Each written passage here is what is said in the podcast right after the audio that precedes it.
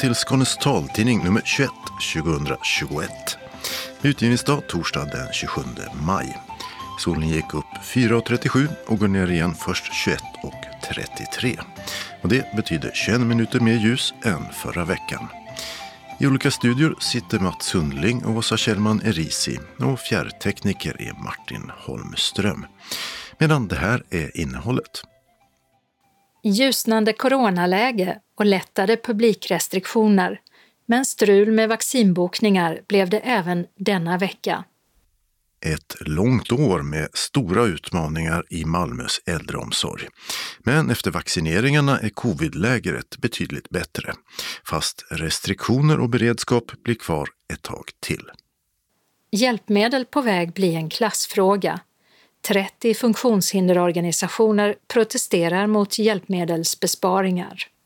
Stamcellsbehandling av torr makuladdegeneration gick inte så fort som forskarna hoppades. Men nästa år ska Sankt Eriks ögonsjukhus börja försök med patienter. Claes Nellfelt är förbundet Sveriges dövblindas nya ordförande. Medan Åsa Linares Norlin blev omvald till parasportens ordförande. Trollska skogar, deckare och biografier blir det i månadens talbokstips som kommer från Malmö stadsbibliotek. Overshirts, mjukisbyxor, gult och grisrosa. Ja, så kan en medveten herren se ut när vi kollar in vårens klädmode. Öppnat och stängt med biografer, bad och vinylskivor. Evenemangstips med experimentmusik och sommarteater. Kalendern med folkomröstning, flaggdag och järnnatt. Anslagstavlan, idag gemensam för hela Skåne med regionala och lokala meddelanden och ändringar i kollektivtrafiken. Och allra sist som alltid redaktionsrutan. Vi börjar med coronaläget som såg ut så här i tisdags när vi gick in i studion. I Skåne sjunker nu smittspridningen snabbt. Från i snitt 500 nya fall om dagen för en vecka sedan till 350 i början av denna. Och det är den lägsta nivån sedan i november förra året. Och antalet inlagda på skånska sjukhus med covid har också minskat, fast mindre. Från drygt 130 till 123 i måndags. Vaccineringarna är inne i den så kallade fas 4, där sedan den 17 maj 50 till 59-åringarna är aktuella. Men det har inte visat sig helt lätt för dem att få en tid. Regionen har bestämt att de måste boka digitalt via 1177.se som i sin tur har länkar till olika privata vaccinatörer. Och deras respektive hemsidor fungerar olika. Men på alla taltidningens sätt behöver man mobilt bank-id för att kunna boka en tid. Och lite tur och skicklighet. I måndags klockan nio släpptes 20 000 tider för en dos hos vaccinatörerna i Skåne. Och de tiderna tog slut på ett par minuter, med många som blev utan även den här gången. Det står inte på 1177.se när nya tider släpps. Men nya ska nu enligt besked från regionen släppas som det heter löpande så att det inte ska uppstå sån trängsel. Och på torsdag kväll den här veckan ska det komma 26 000 nya. Och får man inte den digitala bokningen att funka kan det vara svårt att få hjälp. Ringer man 1177 hänvisar de till de privata vårdgivarna som inte alltid är lätta att nå på telefon. Och 1177 säger också att den som tillhör gruppen 18 till 59-åringar inte ska ringa sin vårdcentral för att försöka få en tid. För där är man just nu upptagen med de som är över 60 år, som alltså vaccineras parallellt. Och för de som nu har börjat, 50 till 59-åringarna då, är det alltså bara de privata och digitala vaccinatörerna som gäller. Bokningsstrulet har fått regionpolitikerna i Skåne att ändra på sig. Regionrådet Gilbert Tribo från Liberalerna säger nu att kritiken som inkommit är berättigad och att de ska se över om det går att använda en annan bokningstjänst, som till exempel den i Stockholm, där alla tider finns samlade på ett ställe istället för många. Samtidigt blir vaccinatörerna allt fler. I måndags tillkom sex nya runt om i Skåne och i nästa vecka kommer fyra till. Om ett par veckor ska det enligt planerna finnas 60 ställen att boka tid hos. Och vaccinleveranserna fungerar nu, säger den nationella vaccinsamordnaren Richard Bergström. I måndags hade 430 000 skåningar fått minst en dos, medan drygt 100 000 50 till 59-åringar fortfarande väntar på sin tur. Och de som inte lyckas få en tid digitalt kommer enligt tidigare besked senare i sommar att få ett brev från sin vårdcentral med erbjudande om vaccin, så som det funkat för de tidigare grupperna. Alla ska erbjudas vaccin, meddelar Region Skåne. Och det senast i mitten av september. För den 50 till 59-åring som inte räds digitalt krångel går det nu också att via 1177.se anmäla sitt intresse för en överbliven dos om någon som bokat sig inte dykt upp och på så sätt alltså få vaccin tidigare. Då måste man kunna komma till mottagningen, till exempel åtta av de skånska sjukhusen, inom 30 minuter efter det att de ringer. Den 1 juni lättar också restriktionerna för evenemang inom kultur och idrott. Nu blir det tillåtet med upp till 50 personer i publiken. Medan maxgränsen för till exempel privatpersoner som hyr en lokal ligger kvar på 8 personer. Region Skånes smittskyddsläkare Eva Melander säger att utvecklingen nu är positiv. Men att alla, även de som nu är vaccinerade, måste fortsätta följa coronarekommendationerna. Som likt det mesta kan komma att förändras. Det rapporterade Mats Sundling. I drygt ett år nu har Pia Nilsson, enhetschef för hälsa, vård och omsorg, lett den operativa ledningsgrupp som enbart hanterar covid-relaterade frågor i Malmö stad. Vi intervjuade henne förra våren om hur arbetet skulle gå till och nu ringde vi upp på nytt. I gruppen ingår specialister från olika håll som HR, medicinska ansvarig, kommunikation med flera. Och det är snabba beslut från en dag till en annan från olika myndigheter. De ska komma ut till alla hörn i den stora förvaltningen med personal och 100 000 äldreboende i hemmet eller på särskilda boenden. Mitt i pandemin så var ju allting ett nuläge. Hur man resonerade med all skyddsutrustning och alla rutiner och riktlinjer. Så här har varit eh, en eh, omfattande det här med att få ut allting i våra verksamheter för det kunde vara från den ena dagen till bara några dagar efter så ändrade man kanske lite på rutiner och riktlinjer från vårdhygien när det gällde skyddsutrustning och när det gällde hur vi skulle förhålla oss. Och jag måste säga att eh, den här sammanhållande ledningsgruppen har gjort att dels alla vi som är åtta stycken i ledningsgruppen har verkligen haft en samsyn. Eh, teamet i hela förvaltningen har verkligen förstärkts och att alla har arbetat mot samma mål, att vi ska göra allt för att skydda våra målgrupp för att minska smittan och eh, covid-19. Och det dröjde längre än till exempel i Stockholm innan man upptäckte den första personen som var smittad med covid-19 inom äldreomsorgen i Malmö. Den 7 april förra året fick man sitt första fall. Och som mest var det 150 personer samtidigt som hade covid-19 inom äldreomsorgen i Malmö. Och det var när man nådde en topp i januari i år. Vi har haft, eh, får man väl ändå säga, förhållandevis gynnsamma siffror. Eh, sen var det ju under vinterperioden när även våra siffror, precis som nationellt och sjukvårdens siffror steg där vi har varit uppe i, som det mesta, så har vi haft 150 smittade i förvaltningen.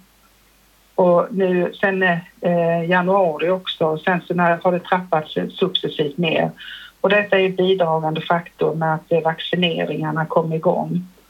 Och när det då var 150 som var smittade, vad innebar det för eh, situationen på äldreboendena?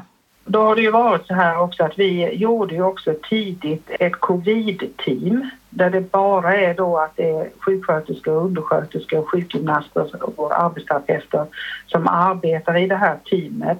Så, så fort vi fick eh, reda på att en patient hade en positiv covid så var det det här teamet, covid-teamet, som tog över för att vårda de patienterna. Nu pratar jag ordinärt boende. Sen har vi också en korttidsenhet som vi enbart omvandlade till kohortvård. Så på vår Lundavägens korttidsboende har blivit kohortvård. Så att det var där patienter kunde också vistas och vårdas som hade en konstaterad covid-19. Och inget av detta har vi rustat ner utan vi har allting kvar. Och nu är det ju bara ett fåtal patienter. Och dessutom införde man också mobila covid-team inom äldreomsorgen i Malmö. Och läkarna de kom från Region Skåne som man samarbetade med och som åkte hem till de sjuka. Där bildade vi ett gemensamt covid-team direkt med att läkarna, läkarna är ju bemannade från Region Skåne och vi har ju sedan tidigare åtta stycken sådana här mobila team i Malmö där läkarna samarbetar med våra sjuksköterskor så att all mer vård som kan bedrivas i den enskildes eh, bostad där man inte behöver åka till sjukhuset. Så de mobila teamen och covid-teamet bildades som sagt var väldigt tidigt, i mars månad redan, som vi bildade detta covid-teamet. Det innebar då att eh, man slapp att blanda så att de som gick till de som inte var sjuka gick även till de som var sjuka och så vidare? Ja, så det var därav vi liksom, eh, vi har, vi har det här teamet med sjuksköterskor som jag säger, omvårdnadspersonalen och rehab som enbart tar hand om de som då hade en positiv covid. Och det är för att försöka inte blanda de som hade en konstaterad smitta med de som inte. Sen är det ju viktigt här nu med skyddsutrustningen. Det är ju också alla våra medarbetare har ju använt den skyddsutrustningen som alla rutiner och riktlinjer säger. För man vet ju inte, smittan är ju i samhället. Och så smittspårningar, vi har haft väldigt mycket smittspårningar på så fort det är någon som faller ut positivt så måste man ju smittspåra. Och där har ju varit våra medicinskt ansvariga som har haft hand om det övergripande. Och sen har ju verksamheterna fått kartlägga då hur det ser ut. Och då är det vårdcentralerna som antingen har kommit till särskilda boendena för att provta patienter och medarbetare har fått gå till vårdcentralerna alltså för att provtas. Så kapaciteten till att provtas ökade ju på väldigt mycket under våren. Att alla som hade en, en misstänkt eller man hade varit exponerad eller symptom, att man kunde komma och bli provtagen. Och det har ju varit en väldigt viktig faktor att eh, så fort man kanske hade misstänkt att man blev provtagen så man visste provsvaret för att dämpa och stoppa smittspridningen så att säga. Hur är det nu? Nu är det bara ett fåtal. Det är väldigt gynnsamma siffror för vår del inom äldreomsorgen. Och då har ju vaccineringen bidragit väldigt mycket till detta. Så vi började vaccinera redan i mellandagarna. Så kom det ju lite vaccin och sen hade vi ju hoppats att vaccintillgången hade varit mer än vad den är idag också. För de flesta av våra patienter och brukare idag är ju vaccinerade. Och även våra medarbetare som arbetar patient och brukarnära. Och från den 1 april förra året så beslutade regeringen om ett besöksförbud på landets samtliga äldreboenden. Och det var ett beslut som påverkade de äldre och deras anhöriga mycket och man fick hitta andra lösningar. Det är klart att det var väldigt eh, besvärligt för alla parter, både för den enskilda personen som bor på ett särskilt boende och dess anhöriga. Och där var ju under sommaren, förra sommaren så installerade vi sådana här plexiglas så att man kunde träffas ute. Och mycket det här med att man har haft iPad och kunnat träffas på Facetime och annat har ju vår personal verkligen gjort det yttersta med.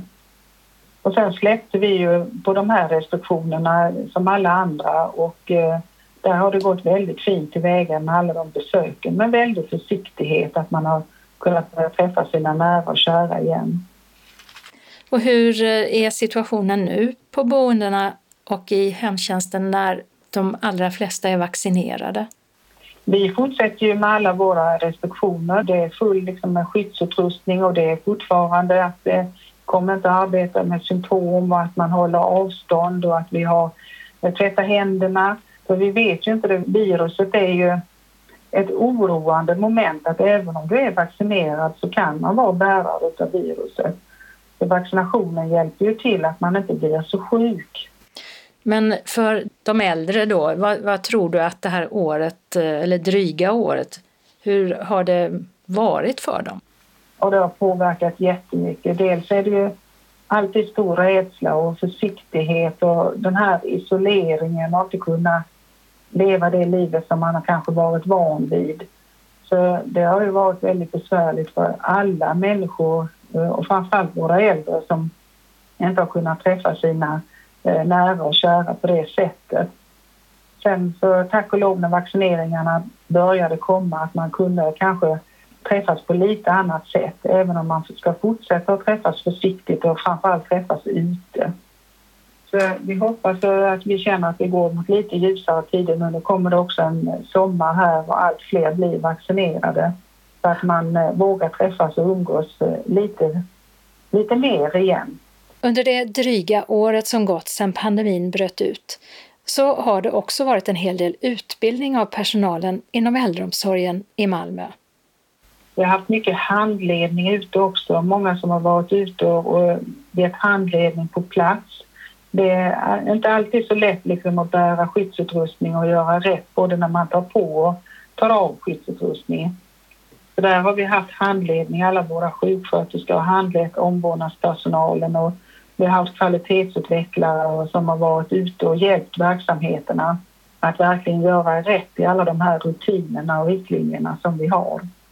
Och även om smittspridningen idag är lägre, och speciellt inom de äldre grupperna där många är vaccinerade, så kommer den speciella ledningsgruppen i Malmö som har hand om covidfrågor att vara kvar, liksom mobila covidteam och annat som man infört åtminstone till augusti.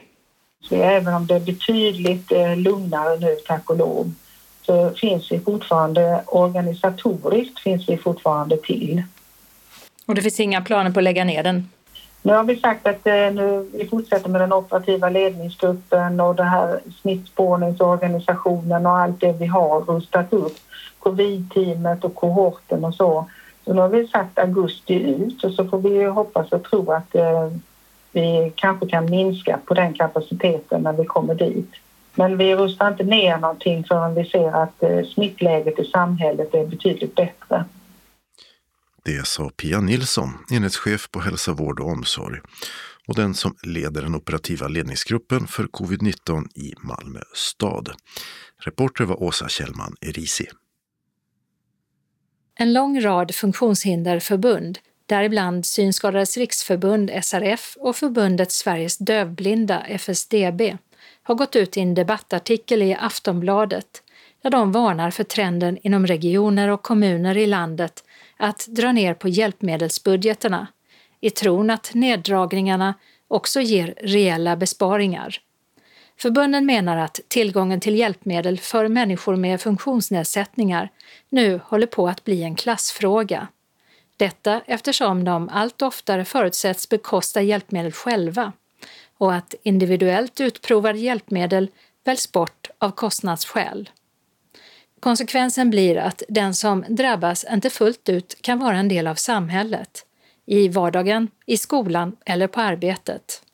Det medför ökade kostnader för såväl socialförsäkringen som för hälso och sjukvård och omsorg i både regioner och kommuner skriver Funktionshinderförbunden bland annat i sitt inlägg. Behandling med stamceller av åldersförändringar i gula fläcken, i det här fallet torr makulödegeneration, skulle revolutionera ögonsjukvården och i bästa fall ge en del blinda synen åter. Men det går inte alltid så fort som forskarna önskar. För sex år sedan hoppades professorn och ögonkirurgen Anders Kvanta att inom bara något år kunna dra igång kliniska studier på patienter. Men först 2022 ser detta ut att bli verklighet. Samtidigt har bilden komplicerats av att fler typer av celler behöver behandlas samtidigt. Något som tar längre tid att forska fram. Men som också kan ge bland annat patienter med retinitis pigmentosa nytt hopp om synförbättring. Vi hör Anders Kvanta som nyligen fick 400 000 kronor i tillskott till sin forskning från Ögonfonden. Ja, alltså till skillnad från tidigare som vi har jobbat med nu i bortåt tio år för att framställa en celltyp som heter pigmentepitelceller typ så har vi den här gången då tagit ett steg vidare kan man säga nu och har nu för avsikt att framställa och testa även fotoreceptorer. Det är ju så att både pigmentepitelceller typ och fotoreceptorer dör ju i samband med att man får den här torra formen av makuladegeneration. Och eh, vi har jobbat i många år med pigmentepitelcellerna och där har vi kommit väldigt långt i framställningen och kommer att starta en klinisk studie här nästa år räknar vi med. Då. Men vi behöver nog även ta steget vidare och även titta på fotoreceptorer.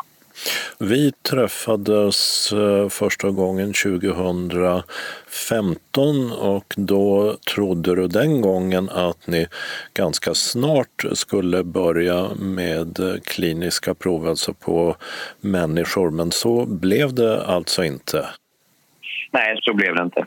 Saker och ting tar ofta längre tid än man tror och eh, vi eh, har väl eh, helt enkelt inte kommit igång tillräckligt snabbt mot vad vi hade hoppats på.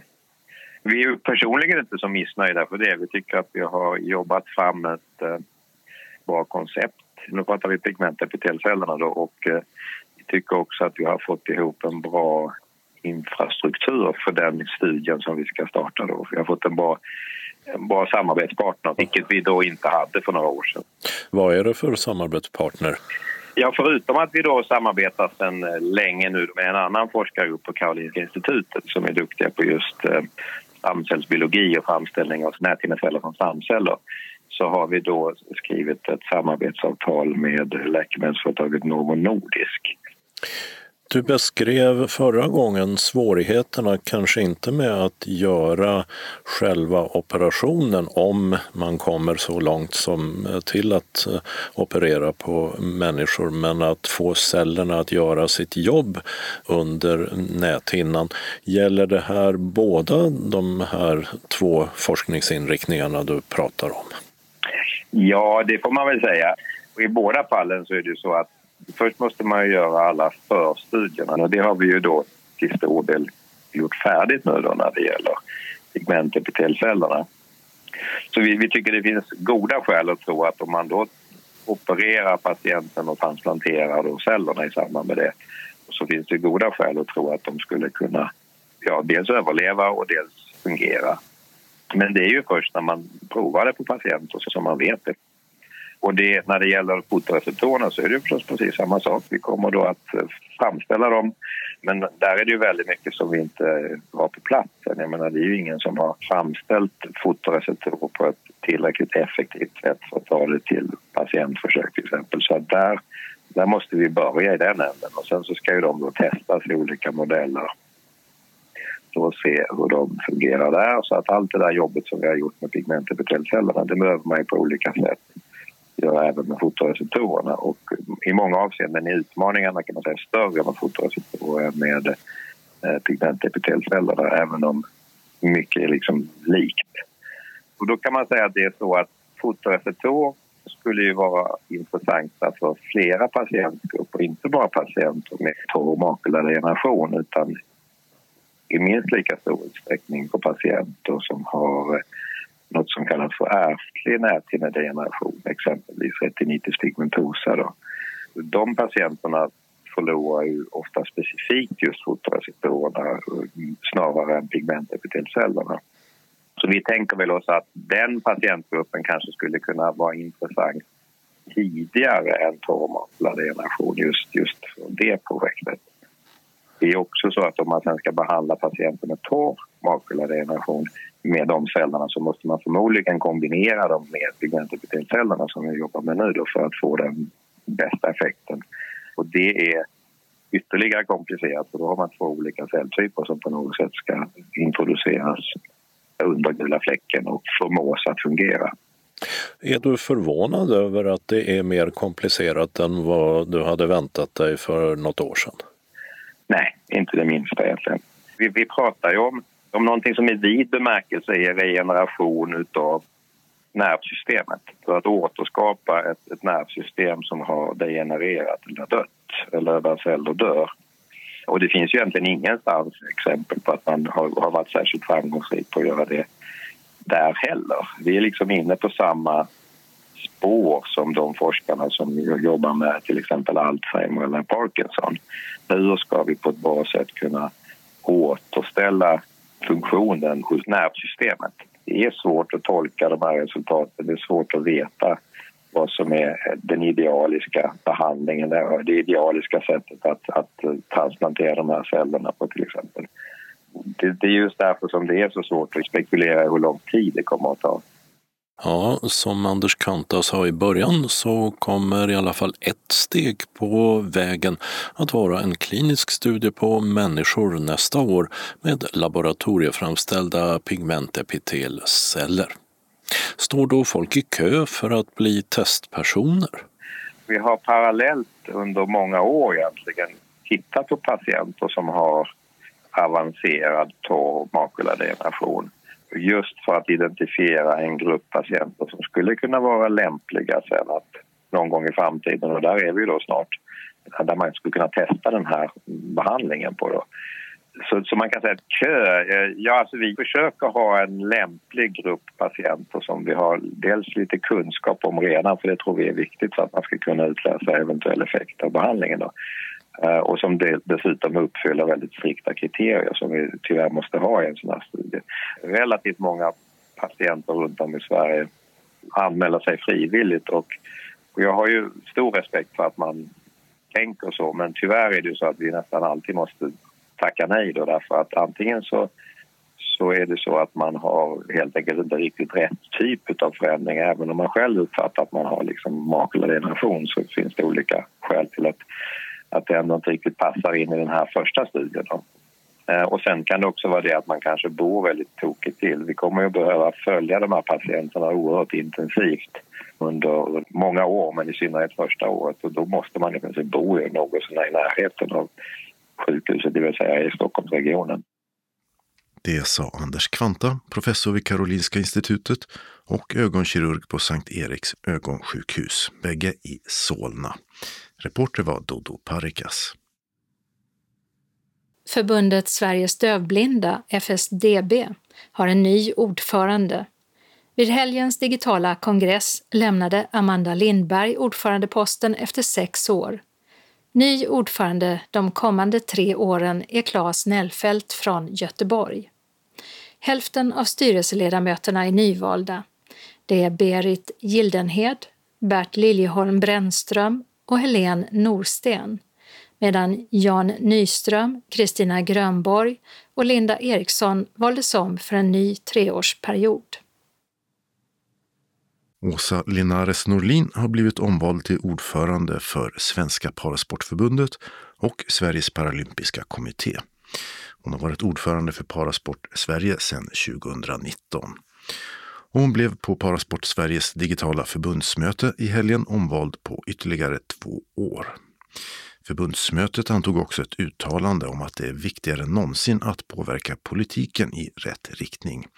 Med coronapandemin som en av de största utmaningarna parasporten ställts inför. Idrottandet för personer med funktionsnedsättning har det gångna året minskat med 44 procent. Och en förklaring är att många paraidrottare tillhör riskgrupper. Med färre som idrottar minskar det ekonomiska stödet och parasportföreningarna drabbas hårt. Det är därför viktigare än någonsin att få samhället och politiken att stötta idrotten i denna tuffa tid, skriver Parasport Sverige i uttalandet. Främmande män dyker upp i trollska bergslagsskogar och på ett vintrigt Island. Vad har de egentligen för ärende? Svaret finns i två olika deckare bland juni månads talbokstips.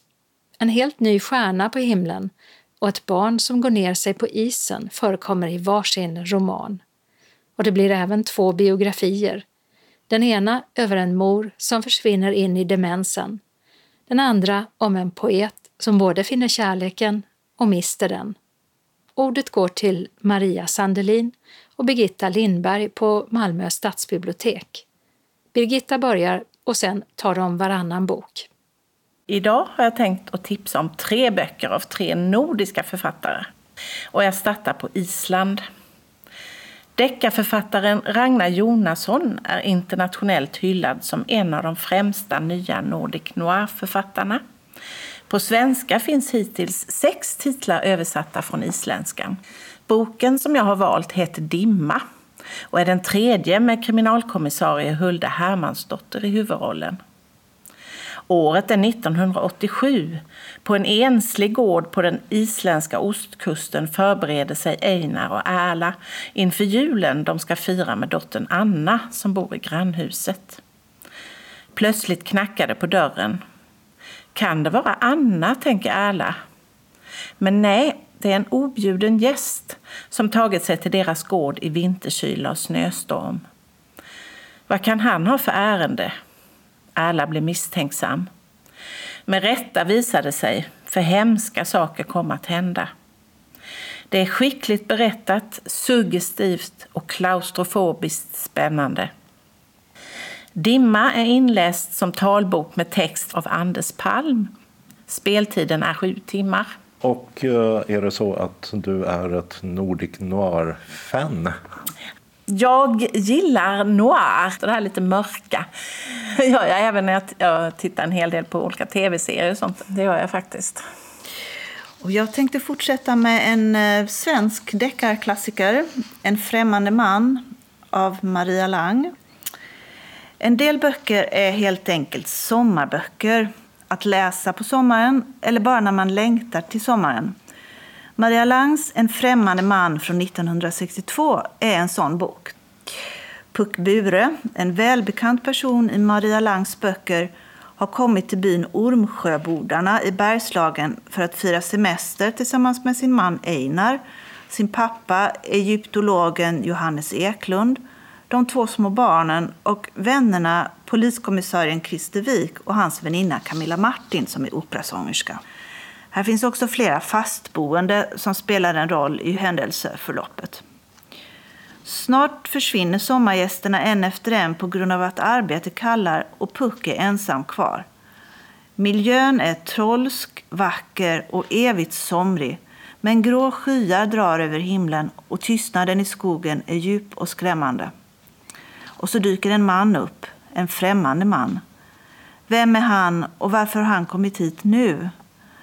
Det visar sig att ett mord har begåtts i det förflutna och att det kastar sin skugga över nuet. Ett nytt mord inträffar och ställer allt på ända. Men som tur är kommer Christer Wik tillbaka till Bergslagsskogarna och ställer sin skarpa hjärna till förfogande. Och den här boken är intalad av Karin Dahl Sundmark och är på 4 timmar och 43 minuter. Maria Lang hängde ju med från 40-tal till 70-tal. Hur är språket och intrigen? Är det en tidskänsla? Ja, här finns ju en tidskänsla. Det, den här är alltså skriven då 1962 och det märks ju. Men här, det finns ändå en, en stor fräschör tycker jag. Och den känns modern på många sätt, till exempel när det handlar om könsroller. Hennes första bok kom tror jag 1949, Mördaren ljuger inte ensam, som jag också kan rekommendera. Nästa på tur det är norrmannen Karl Ove Knausgård. Eh, säkert känd för många med sin självbiografiska romansvit Min kamp. Själv hade jag faktiskt inte läst något av honom tidigare men tyckte att hans nya roman Morgonstjärnan lät väldigt intressant och spännande. Vi får följa nio sinsemellan väldigt olika personer under två heta sommardygn i augusti när plötsligt en enorm ny stjärna visar sig på himlavalvet. Det spekuleras i vad den nya stjärnan är för något och vad den kan innebära, men ingen har några säkra svar. Samtidigt som livet pågår som vanligt är det något som är annorlunda. En olycksbådande stämning och ett hot om förestående katastrof ligger i luften. Detta är verkligen en bladvändare. Knausgård är en mästare på att skapa laddning även i de mest vardagliga situationer och att levandegöra sina karaktärer. Boken är inläst som talbok med text av Hans Sandqvist och speltiden är på 22 timmar. Och min nästa bok är Livsvittnet Majken Johansson av Paul Tengart. Eh, författaren, Paul Tengart, då, är litteraturvetare i Lund. Så det är naturligt nog i Majken Johanssons texter som han försöker få syn på henne och hennes liv. Boken är lättläst, om en ämnet tungt. För Majken Johanssons liv var inte lätt. Hon föddes 1930 i Malmö utom äktenskapet och växte upp i en fosterfamilj där fostermodern var psykiskt sjuk och behandlade henne illa. Men Majken var begåvad och tog studenten och började sedan studera i Lund. Och det var också i Lund som hon blev poet, så småningom en av Sveriges främsta. Hennes liv kantades av alkoholproblem och återkommande depressioner. Om detta skrev hon offentligt, men aldrig om sin stora hemlighet att hon var bisexuell. Hennes stora kärlek hette Solveig. De hade en kort och stormig kärleksaffär när Michael var 25 år och sen begick Solveig självmord. Majken sörjde henne resten av sitt liv. Efter Solveigs död så sökte Majken Johansson sig till spiritismen men det var när hon hittade fram till Frälsningsarmén som hon kände att hon kommit hem. Under flera decennier var hon en av Frälsningsarméns portalfigurer i Sverige samtidigt som hon var en uppburen författare. Så det är en väldigt speciell människa som den här boken handlar om men det fanns trots allt ljus, styrka och en seghet i allt det mörka och tunga. Paul Tengart har inte bara läst Majken Johanssons diktsamlingar utan också dagböcker, brev och rapporter från spiritistiska seanser, bland annat. Och talboken är på 15 timmar och 52 minuter och är intalad av Karin Ödqvist. Ja, då kommer jag till min sista Turen har då kommit till den svenska författarinnan Anna-Karin Palm. Samtidigt som Anna-Karin arbetar med sin biografi om Selma Lagerlöf, Jag vill sätta världen i rörelse, insjuknar hennes mor i Alzheimers. Detta berättar hon nu om i boken Jag skriver över ditt ansikte. Hennes mor har alltid varit familjens medelpunkt, på gott och ont. Med sin starka personlighet, påhittig, ambitiös och driven, men också ganska självupptagen och kontrollerande.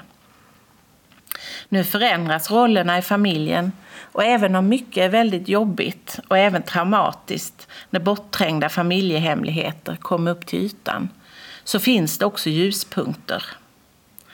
I takt med att moderns minne sviker minskar också kontrollbehovet och Anna-Karin upplever att hennes mor blir lugnare och gladare. De kommer varandra närmare än på länge. Detta är en mycket gripande och tänkvärd bok som jag varmt rekommenderar. Eh, boken är under produktion och förväntas vara klar den 5 juni. Mitt sista tips är Obehaget om kvällarna av Marike Lukas Reinefelt. Det är 1990-tal och på en bondgård i Nederländerna växer flickan Jas upp i en strängt religiös familj. Hon har ingen vanlig barndom. Ursprungligen hade hon tre syskon, men äldsta brodern Mattis dog en vinterkväll när han åkte skridskor och gick genom isen. Efter det är inget sig likt. Föräldrarna sluter sig inom sig själva och ser inte barnens sorg. Syskonen lämnas att hantera förlusten på egen hand och det går inte så bra.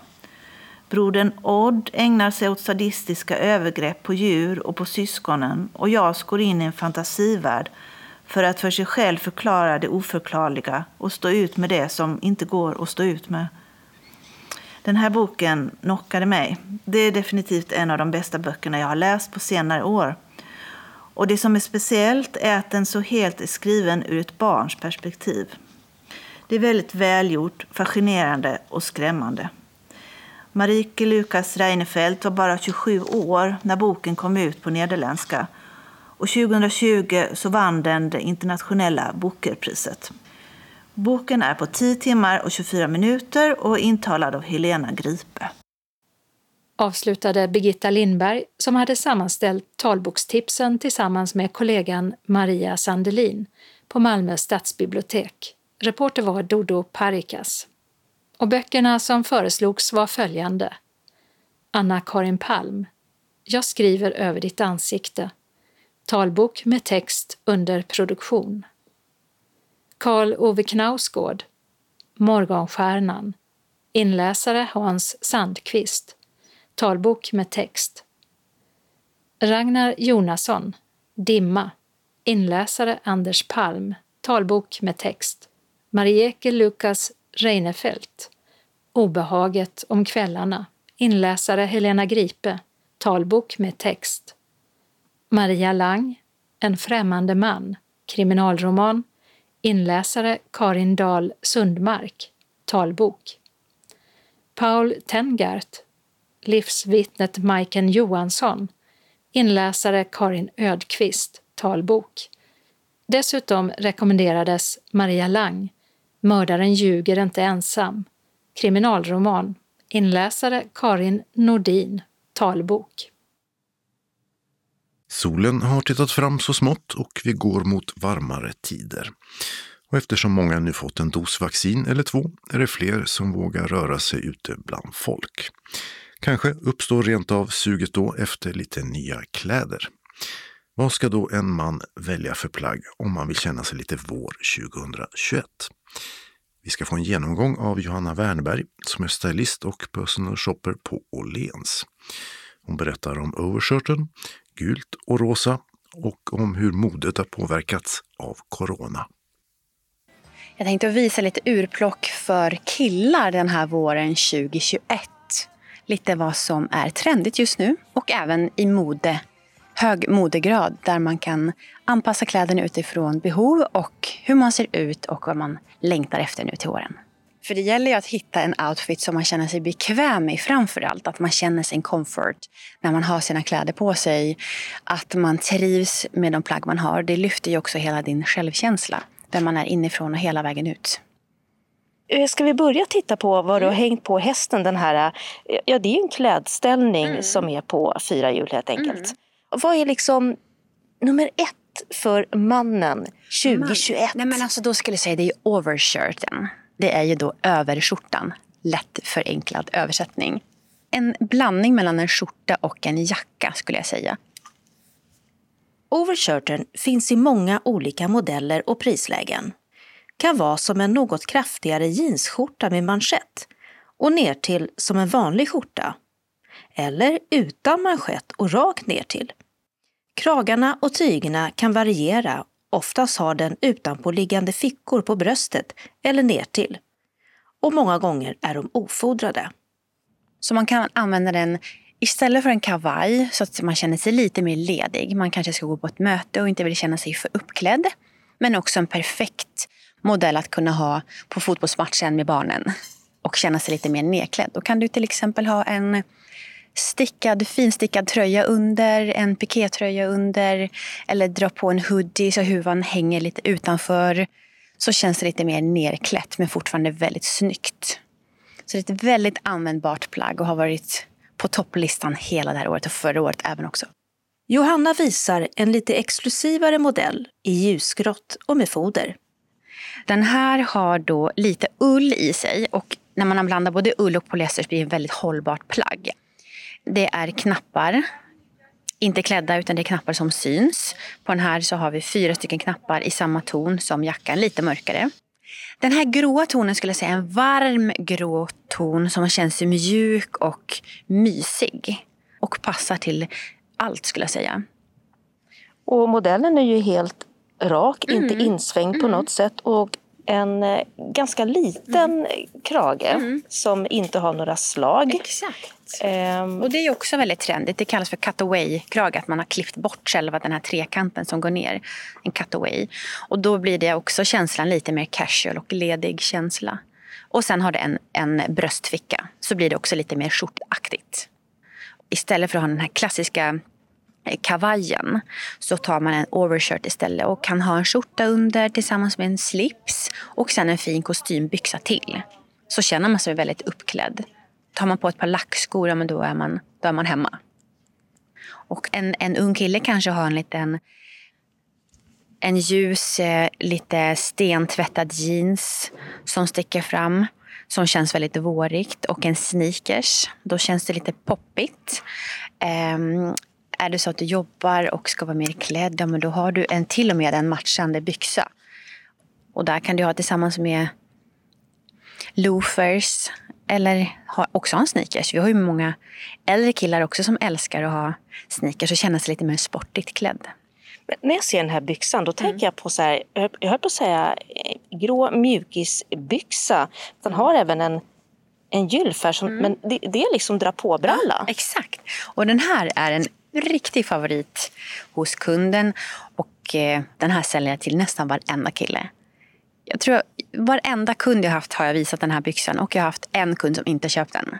Den här är, alla älskar den. Men, men det här med mjukis, ja. alltså jag ska inte säga att mjukisbyxa, för det är samma gråa ull och sen så är det ett, eh, ett slag mm. på den istället mm. för att det är en, en mudd. Då. Mm. Eh, insydda fickor i sidan. Mm pressväck. pressväck. Det är ju att det ska kännas lite mer kostymigt, kostymbyxa. Det som många reagerar på när man ser den först är den här mudden. Mudden, alltså, alltså du menar den här resåren i midjan? Exakt. Så det är ingenting som tar åt runt magen. Vi hade en kund här eh, för ett tag sedan som hade en, han hade en härlig kula kan man säga han ville hitta ett par riktigt bra kavajbyxor. Då satt de här som ett smäck. För han fick upp dem till höften, för han hade smala ben. Kom upp till höften och sen så kunde ändå magen få vara där den var. Och han kände sig så snygg. Jag har hört att just nu under corona så har ju rätta mig om jag har fel här, men, mm. men många kvinnor har blivit lite mer så här, lite finare mjukisklädstil. Är, är det här den manliga varianten? Ja, men jag skulle säga det. Jag har faktiskt, eh, det är ju ett, ett koncept, loungewear loungewear, där du klär dig i mjukiskläder men dressar upp dig. Ehm, då har det här konceptet kommit in generellt och de flesta olika varumärkena har börjat göra mycket snygga mjukiskläder. Till exempel en, för damer, en snygg mjukisbyxa. Sätt på en klack till, ja, men då känns det väldigt modernt och snyggt och kanske en kavaj, men du kan ha en mjukisbyxa. Låter lite rubbat, men man känner sig väldigt snygg i det. Det kommer bli mer mjukismode, till och med pyjamasaktigt. Och Johanna tar exempel på att det här har varit trendigt långt tidigare, åtminstone i överklassen. Man har ju klätt sig så. Om man kollar många gamla filmer, karlarna som går runt i pyjamas, drar på sig, jag har tagit med ett exempel här. Man tar på sig sin sidenpyjamas, slänger på en morgonrock, drar åt den, sätter sig med sina tofflor och dricker sitt morgonkaffe. Lite den känslan, men att den utsträcker sig hela dagen. Det här är ju någonting som ser lite, ska jag säga pyjamasaktigt ut? Får jag mm. säga det? Eller? Ja, ja, Berätta du. Det är ju väldigt på mode också att det ska kännas lite pyjamas. Det har varit ganska länge skulle jag säga generellt, både för damer och herrar. Men här har vi till exempel en skjorta i finare material som känns väldigt pyjamasaktig. Eh, tillsammans med eh, men här en, en snygg morgonrock i räfflat material från Lillen Scott som du kan dra på. Sen kan du ha ett par jeans under. Det här går ju såklart inte med till jobbet. Det här har du ju hemma. När du då Berätta nu, är det här en pyjamas eller är det en skjorta? Det är en skjorta. Den är rosa, mörk varm rosa ton med svarta bred, breda ränder, eller brunsvarta breda ränder. Och sen så går det också lite smala ränder längsgående skulle jag säga. Mm. Med knappar. Det som känns mest som pyjamas det är själva slagen upp till vid halsen som är precis som en pyjamas. Utgående slag. Och lång ärm. Och helt rak i modellen. Mm. Det är lite tjockare tyg. Så den är väldigt skön att ha på sig. På något sätt lite, den har en liten glans i sig också. Ja, det skulle jag säga. Lite lyster som sticker fram. Och det är väl det som gör att den känns lite mer pyjamis, pyjamisaktigt. Så den här kan du ha till när du sitter på ett Teamsmöte så känns det snygg. Men även också till ja, men en middag. Nu gör vi ju inte så mycket sådana saker men man kan spara den tills vi får börja äta middag tillsammans igen. Du tog ju faktiskt fram den här morgonrocken. Varför gjorde du det egentligen? Ja. Nu när vi går runt mycket hemma så att man inte fastnar helt i det där träsket att gå runt med du vet, målarbyxor och en slaskig t-shirt som man tvättar varannan vecka. Utan du, du, du ska känna dig snygg och fräsch även fast du är hemma. Eh, och bor man tillsammans med någon så kan det vara fint att man ändå fortsätter klä sig fint för varandra. Får du känslan av att många män går, går hemma och runt och, och, och slaskar lite? eller? Nej, men jag tror generellt, både män och kvinnor, att man kanske lätt hamnar där om man inte dels vårdar det man har i äktenskapet, kanske framför allt det, men också att man faktiskt gör sig fin. Eh, för sig själv framför allt. Det är det absolut viktigaste. Man ska ju inte göra det för någon annan. Det skulle jag säga. Kommer sådana här eh, diskussioner upp när du träffar dina män, höll jag på att säga? Absolut. Alltså, vi pratar om allt. Vi jobbar ju som både stylister och psykologer och parterapeuter. Så vi får, vi får de mesta olika frågorna, vilket är fantastiskt härligt. Man kommer varandra väldigt nära och man delar, delar mycket, vilket är jättefint. Johanna Wernberg har träffat många kunder genom åren, men ett möte minns hon särskilt. Ett minne som har, som har legat kvar i mitt minne och kommer alltid finnas, det var en man som kom till mig vi gör alltid en lång intervju med varje kund, ungefär runt 20-30 minuter. En behovsanalys där vi går igenom vad, vad önskar du från oss? Vad kan vi hjälpa till med? Vad är dina färger? Vad gillar du? Hur ska det kännas? Hur ska det sitta? Vad jobbar du med? Och så vidare. Och hitta den ultimata garderoben. Eh, den här killen sa till mig, men jag gillar allt och jag är öppen för allt, men jag kan inte ha rött. Och då tittade jag på honom och frågade, men varför kan jag inte ha rött? Nej, men jag kan inte ha det. Jag passar inte rött. Och sen så fortsatte vi prata om lite annat och så vidare. Och så sen så sa jag, men nu ska jag gå iväg och plocka. Då har vi en här, sån här häst med fyra hjul och hänger alla våra kläder på. Och längst bak på hästen hade jag faktiskt hängt en röd tröja. Jag tänkte, vi, vi ska ändå testa. För att jag såg på hans färger att han skulle vara jättefin i det. Så han började prova massa olika kläder. Och så tittade jag på honom och sa, ska du inte prova den här röda tröjan? Ja, men bara för att du frågade. Bara för att det är du här inne just nu i provrummet. Jag bara, men kör, ta på den. Och sen tog han på sig den här tröjan, tittade sig i spegeln. Vi har ett stort provrum med stora speglar. Så tittade sig i spegeln, gick fram en meter så han stod nästan nuddade spegeln och började gråta. Och han sa, jag har aldrig passat i rött, jag känner mig så fint. Och då sa han att jag fick höra som redan i barns ålder från mina föräldrar att jag är ful i rött. Så han har burit det här hela sitt liv och nu var han i 40-årsåldern. En högt uppsatt chef på ett stort företag här i Stockholm. Eh, och har burit där hela sitt liv och kände när jag kände att jag kan inte ha rött. Vad starkt. Väldigt fint. Och att få lyfta de delarna också, det är det som, som jag brinner för allra mest.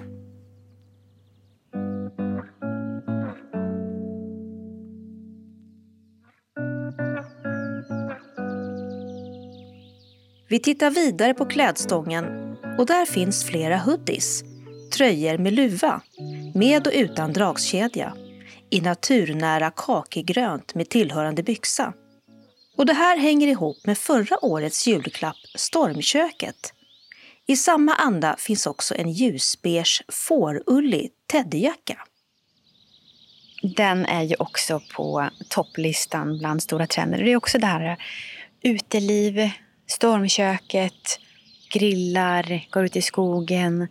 Det, det känns som en, en nallebjörn med dragkedja som du kryper in i. Superhärlig. Vill du hänga med i trenden så ska du också använda ett plagg som har funnits väldigt länge, i många olika former. Västen är ju fantastiskt bra plagg. Och nu pratar vi om en ytterväst som du kan ha till exempel till våren när det står mellan varmt och kallt. Då kan du ha den under en rock eller en sportigare jacka eller en ovanpå en kavaj. Du kan ha en polotröja under, västen ovanpå. En skjorta under, västen på. Du känner dig alltid klädd och väldigt snygg i en väst. Och de som jag visar nu, de har dun i sig, så de håller väldigt mycket värme. Den här blir lite, lite plufsigare, men fortfarande väldigt tunn, så du kan ha under en jacka utan att, den, eh, att det sticker ut.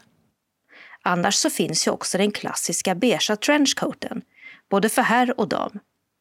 Men om man tänker mer sommar så finns den klassiska beigea, tunna, lite slappare linnekostymen. Och så kortärmat förstås.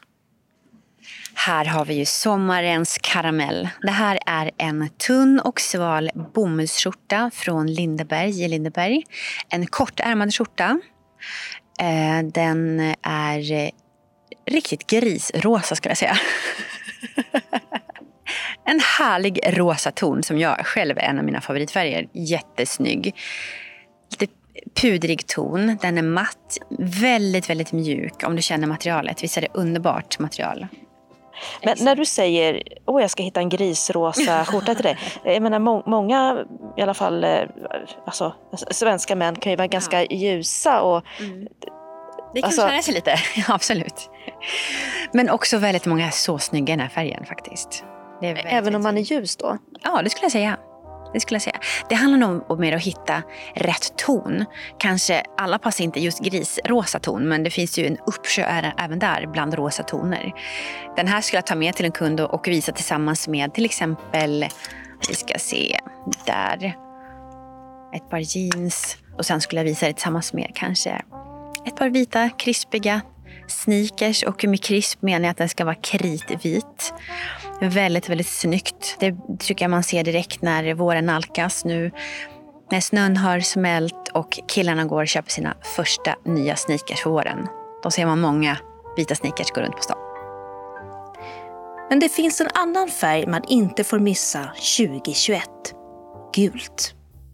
Den är årets färg, både nu i vår och även kommande till hösten så är den väldigt populär. Eh, så den här tonen, den ska man ha med hem på ett eller annat sätt. Då vet man att nu är man riktigt modig, medveten. Jag tänker på vaniljsås. Ja, exakt. Där har du det. Bra. Det där ska jag, jag tar det av dig. Okej, okay. det är vaniljsås. Exakt, så den är väldigt mjuk och mysig. Den känns ju inte att det poppar i ögonen eller känns stark. Och det här är en ton, ton som jag tror skulle passa i stort sett alla. Så den, den här gula färgen är då årets färg. Va, vad är det mer för liksom färger som... Linne, mycket åt pastelliga hållet. Det känns lite kul, roligt, lekfullt. Vill du toppa lite och ha mer pastell? Vad är det här? här är ju trendigt. Och galet. Det känns som en frotté t-shirt. Vad tror du? I en eh, mjuk eh, syrenlila? Ja, exakt. Visst blir man, man får vårkänslor, eller hur? Den är fantastisk. Med en, en utanpåliggande ficka, bröstficka, med en liten palm som är broderad. Och en klassisk tennis... Eh, krage skulle jag säga, som går upp. Så den känns lite mer skjort, skjortig. Men, men helst ett kit så att du har även ett par shorts i samma färg. Det här var supertrendigt, både 60 och 70-talet. Till alla kläder hör ju förstås skor, sneakers eller loafers som har kommit tillbaka. Den låga drapåskon med spänne eller tofsar finns även i flätat läder. Men det finns något som vi inte pratat om som Johanna tycker är viktigt. Men sen också en grej som jag inte har med mig, men det är ju också när man är klar med hela sin outfit. Parfymen.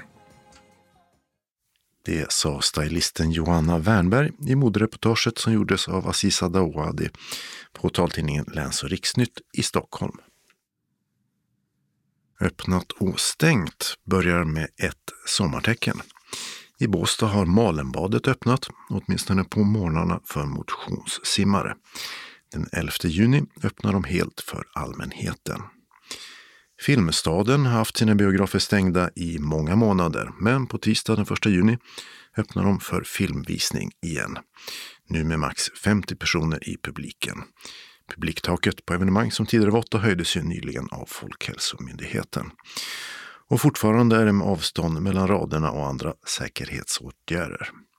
I Skåne har Filmstaden biografer i Helsingborg, Höllviken, Kristianstad, Landskrona, Lund, Malmö, Trelleborg och Ystad.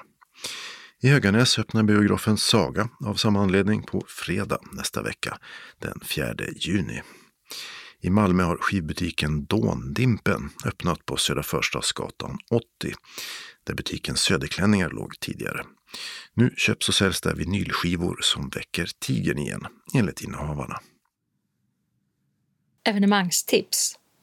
Kristinehovs slott har öppnat för säsongen.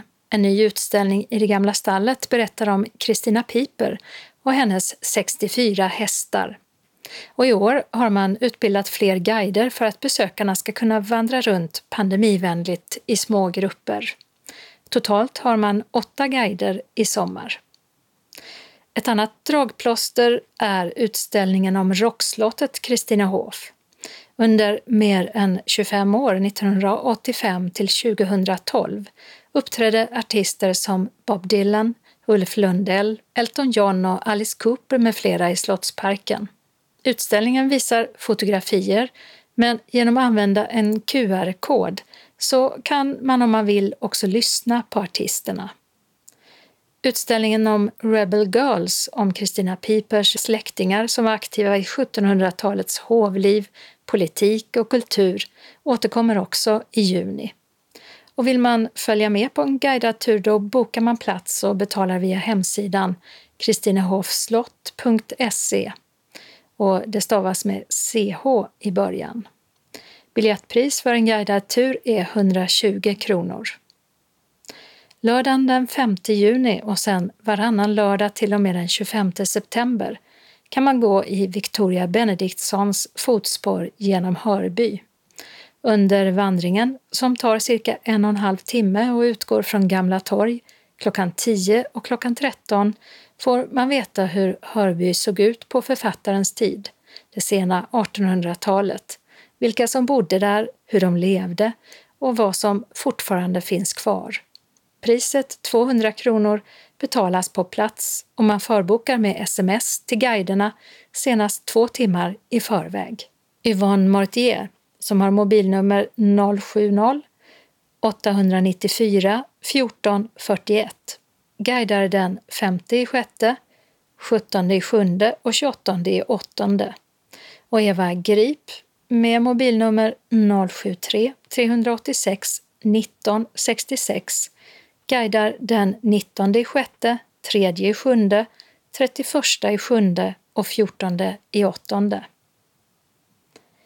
Den experimentella musikfestivalen Intonal i Malmö som ställdes in i fjol kommer att bli av i år den 16 till 20 juni, i huvudsak på Inkonst på Bergsgatan. Anna von Hauswolf kommer dock att framföra två orgelkonserter i Johanneskyrkan klockan 20 och klockan 21.30 den 17 juni. Totalt kommer ett 30-tal artister att framträda live och digitalt. I dagsläget är mycket få biljetter släppta, men efterhand som smittläget förbättras kommer flera biljetter ut, hoppas arrangörerna. Program och biljetter finns på hemsidan intonalfestival.com. Efter ett år av nedstängning på grund av pandemin är det tid för Skillinge teater att slå upp dörrarna igen. Den 25 juni har Hamlet av William Shakespeare premiär och teatern firar även 25-årsjubileum.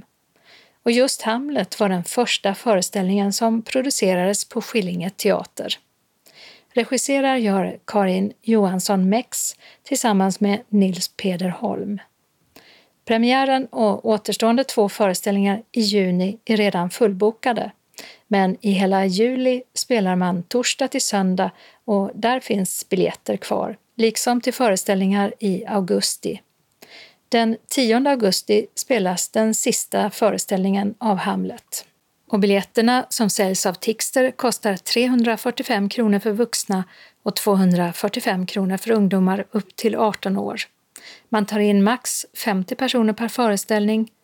Och förutom Hamlet så kommer Skillinge teater dessutom att spela de två föreställningarna 30 000 dagar, Livet en vandring. Och barn och familjeföreställningen Det glömdas trädgård. Biljettinformation. Tixter 0771 47 70 70 Skillinge teater 0414 30024. Kalendern vecka 22 börjar med måndagen den 31 maj då Petronella och Pernilla har namnsdag. Och formellt sett så är detta sista dagen på våren. Almapriset, eller Astrid Lindgren Memorial Award, delas ut i en digital ceremoni både till 2020 års pristagare och årets pristagare. Förra årets pristagare, Baek Henna, är en sydkoreansk bilderbokskonstnär och hennes uttryck kännetecknas av egentillverkade miniatyrfigurer som omsorgsfullt fotograferats. Debutboken heter Molnbullar och finns utgiven på svenska men inte som talbok. Och 2021 års pristagare är författaren Jean-Claude Molleva som är en stor barn och ungdomsförfattare i Frankrike. Men tyvärr är hans böcker inte översatta till svenska ännu. Priset, som är det största i sitt slag, är på 5 miljoner kronor och ska gå till en person eller organisation som bidrar till litteraturens betydelse för barn och unga över hela världen. Och i Belfast i Nordirland sjösattes oceanångaren Titanic för 110 år sedan. Tisdagen den 1 juni är det Gun och Gunnel som firar namnsdag. Det är också mjölkens dag som firas för att uppmärksamma mjölkens betydelse för folkhälsan. För 40 år sedan införde Svenska postverket enhetliga bestämmelser för alla inrikes brevförsändelser. Och det innebar att de tidigare olika portorna beroende på vad försändelsen innehöll avskaffades. Och efter det så avgjorde enbart försändelsens storlek och vikt vad det kostade att skicka brevet. Onsdagen den 2 juni heter namnsdagsbarnen Rutger och Roger. I Italien firas nationaldag till minne av folkomröstningen för 75 år sedan som ledde till att landet blev republik. Dåvarande kung Umberto II tvingades abdikera och gå i exil med sin familj. Och medlemmar av kungahuset Savoyen fick inte beträda italiensk mark förrän 2002 då förbudet upphörde. Fyller 90 år gör Erik Krönmark, moderat politiker och Sveriges försvarsminister 1979 till 81 och landshövding i Kalmar län under många år på 80 och 90-talet. Tio år yngre blir Charlie Watts, trummis i Rolling Stones och musikproducent. Och han är en av originalmedlemmarna i bandet. Regissören Lasse Hallström är född 1946 och fyller därmed 75 år denna dag. Han har regisserat många filmer. Några exempel är Mitt liv som hund, Gilbert Grape och Siderhusreglerna som vann två Oscars och var nominerad till sju. Torsdagen den 3 juni är det Ingmar och Gudmar som har namnsdag. För 15 år sedan förklarade sig Montenegro självständigt från federationen Serbien och Montenegro. Två dagar senare följde Serbien efter och förklarade sig också självständigt från unionen, vilket fick till följd att den upplöstes. Jill Biden, som är lärare och adjungerad professor och dessutom USAs första dam genom att hon är gift med Joe Biden, fyller 75 år. Tidigare var hon vicepresidenthustru under åren då Barack Obama var president och Joe Biden vice och hon var en av få som fortsatte lönarbeta under tiden som vicepresidenthustru. Fredagen den 4 juni är namnen för dagen Solbritt och Solveig. Och skulle det vara frost denna natt i början av juni, då kallas det för järnnatt.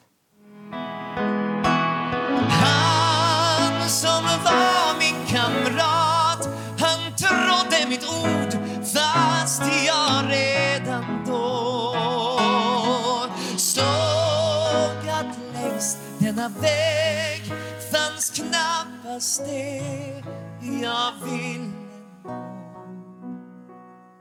Sångaren och musikalartisten Peter Jöback fyller 50 år. Här i Guldet blev till sand från musikalen Kristina från Duvemåla. En av många musikaler som han har haft stora roller i. Lördagen den 5 juni har Bo namnsdag och i Danmark är det flaggdag eftersom man firar grundlovsdagen. Det är också en FN-dag, Världsmiljödagen, som man har för att uppmärksamma miljöproblem. Söndagen den 6 juni är det Sveriges nationaldag och svenska flaggans dag. Gustav och Gösta har namnsdag. I Vellinge ska den första folkomröstningen någonsin i kommunen genomföras. Nästan 28 000 röstberättigade i kommunen får möjlighet att rösta om naturrum och konsthallens existens i kommunens regi på Falsterbo strandbad. Det var i höstas som Moderaterna beslutade att stänga verksamheten för att på lång sikt satsa på konferens och spahotell som debatten startade. För närvarande är det ett fotomuseum i lokalerna. Och även på annat håll hålls det val men ett betydligt större. I Mexiko är det val till kongressen som sker vart tredje år. 500 kongressledamöter ska väljas i landet där narkotikahandeln är ett av de stora problemen för närvarande. Anslagstavlans regionala del har en inbjudan från SRF Skåne till Fureboda den 30 juli till 1 augusti. Hej alla SRF-skåningar som längtar efter att träffa andra människor. Nu är det dags att anmäla sig till aktivitetshelgen på Furuboda. Vi checkar in klockan 15 fredagen den 30 juli och avslutar 1 augusti klockan 15. Däremellan har vi aktiviteter och samvaro med god mat. När du anmält dig får du en bekräftelse med förteckning över deltagarna och en aktivitetsplan. Planeringen är inte helt klar ännu. Det vi vet är att vi har tillgång till badhuset för de som vill simma i 25 meters bassängen eller ligga i den varma poolen. Vi kommer också att ha en spännande föreläsning. Så blir det bocciaspel och kubbspel och naturligtvis en tipsrunda. För dig som vill doppa dig i havet är det ett perfekt tillfälle att göra det. Så det är bara att anmäla sig. När du gör det behöver vi veta följande. Ditt namn och adress, ditt personnummer för ansökan av bidrag från SPSM.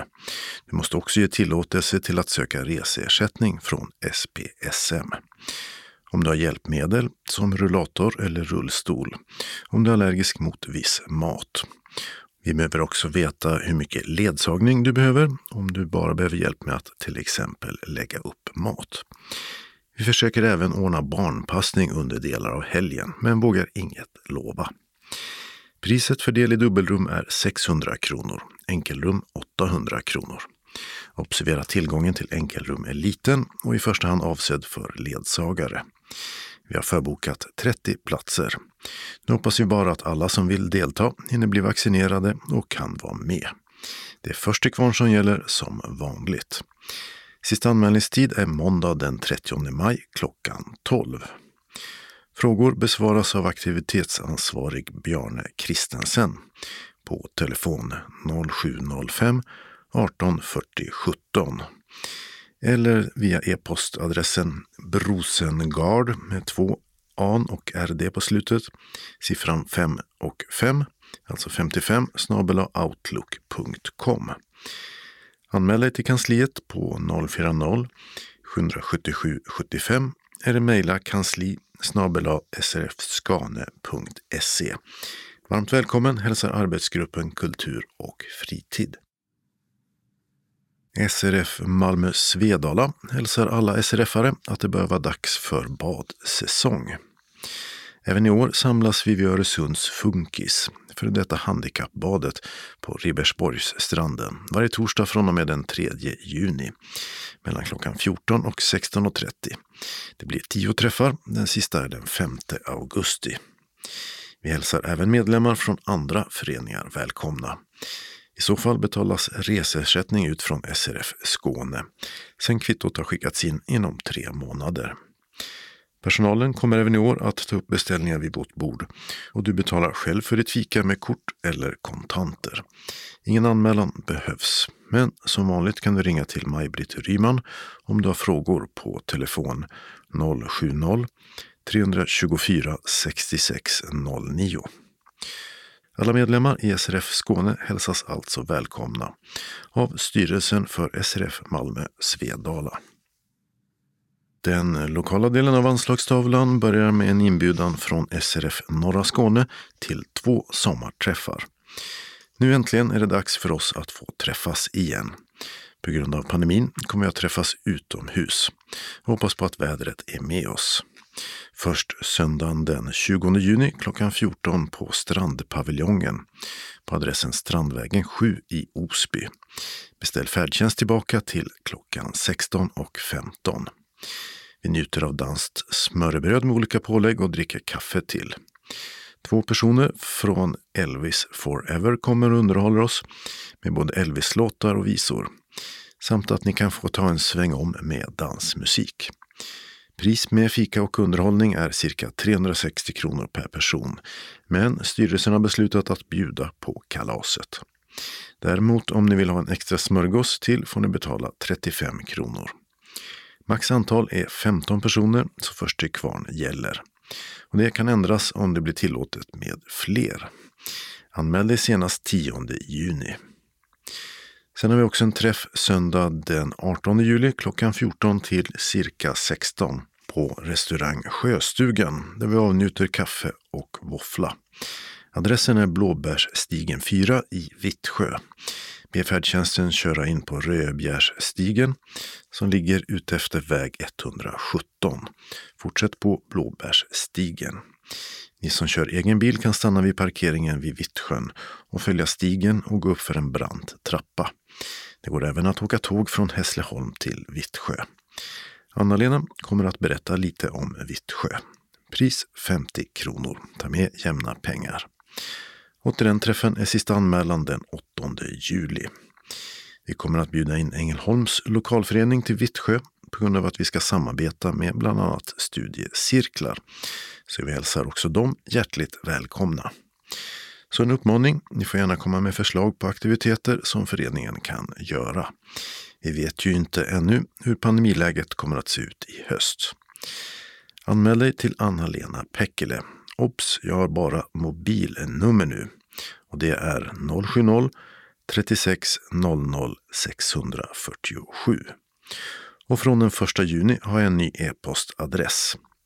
alp som i bergen då, ledarhund gmail.com. Alla hälsas hjärtligt välkomna av styrelsen. Synskadades förening SRF Trelleborg med omnejd bjuder in till medlemsträff med sommartema. Detta tisdag den 15 juni på Vattentornets Café och Bistro på adressen Stortorget 2 i Trelleborg. Tid klockan 16 till 18. Äntligen är det något på gång. Vi träffas och fikar på det anrika vattentornet i Trelleborg. Tornet som började byggas 1911 innehåller inte så mycket vatten längre, men har en gedigen historia. Vi sitter på coronasäkert avstånd från varann och vid fint väder sitter vi ute. Din anmälan vill vi ha senast den 8 juni. Ring eller mejla till Helena på mobilnumret 070-642 2176 eller e-posta till siffran 1 Helena Lindell med två L snabela gmail.com. Vid en anmälan berättar du om du är allergisk eller om det är något annat som är bra att veta vid beställning av fikan. Välkomna hälsar styrelsen. Vi har några tillfälliga ändringar i busstrafiken så. I Lund fortsätter vägarbetet på Fjällivägen och i veckan stängde delen mellan Måsvägen och Bondevägen för trafik. För regionbuss 126 mot Löddeköping och Hofterup samt 137 mot Bjärred är hållplatsen Polishuset B stängd med hänvisning till hållplatsen Tingshuset B på Byggmästaregatan. Stängd också för stadsbuss 4 är hållplatsen Måsens vårdcentral A med hänvisning till Vildhandeln A som ligger cirka 500 meter åt nordväst på Fjällevägen. Och för linje 4 är också Fasanvägen B stängd. Här ersätter en tillfällig stolpe på Bryggaregatan 550 meter åt nordost. I Svedala stängde i måndags ett broarbete av en del av Bökebergsgatan. Och fram till den 18 juni klockan 16 har hållplatsen Bökebergsgatan A stängt. Den som åker regionbuss 140 eller 141 hänvisas till hållplatsen Långgatan A. Linje 141, hållplats Svedala kyrka, läge A, har också stängt och hållplatsen Långgatan A ersätter också här. Eller en tillfällig hållplats på Hyltarpsvägen. Och den senare tillfälliga ersätter också den ordinarie hållplatsen Prelatgatan A. I Malmö ska man renovera en bro som stänger flygfältsvägen för trafik från klockan 9 måndag den 31 maj. Stadsbuss 31 hållplats Ulricedal läge C och D stänger till den 9 juli klockan 15. Ersättningsstolpar i bägge riktningar finns då cirka 150 meter söderut på Västra Skrävlingevägen. Det vill säga på andra sidan den korsande Sallerupsvägen. Och med det beskedet var det dags att sätta P för veckans Skånes taltidning. Nästa nummer kommer nästa torsdag, den 3 juni. Skånes taltidning ges ut av Region Skånes psykiatri och habiliteringsförvaltning. Ansvarig utgivare är Martin Holmström. Postadress Jörgen Ankersgatan 12, 211 45 Malmö. Telefon 040-673 0970. E-post Skanes taltidning snabela skane.se och hemsida skanestaltidning.se. Vi hörs igen. Hej då!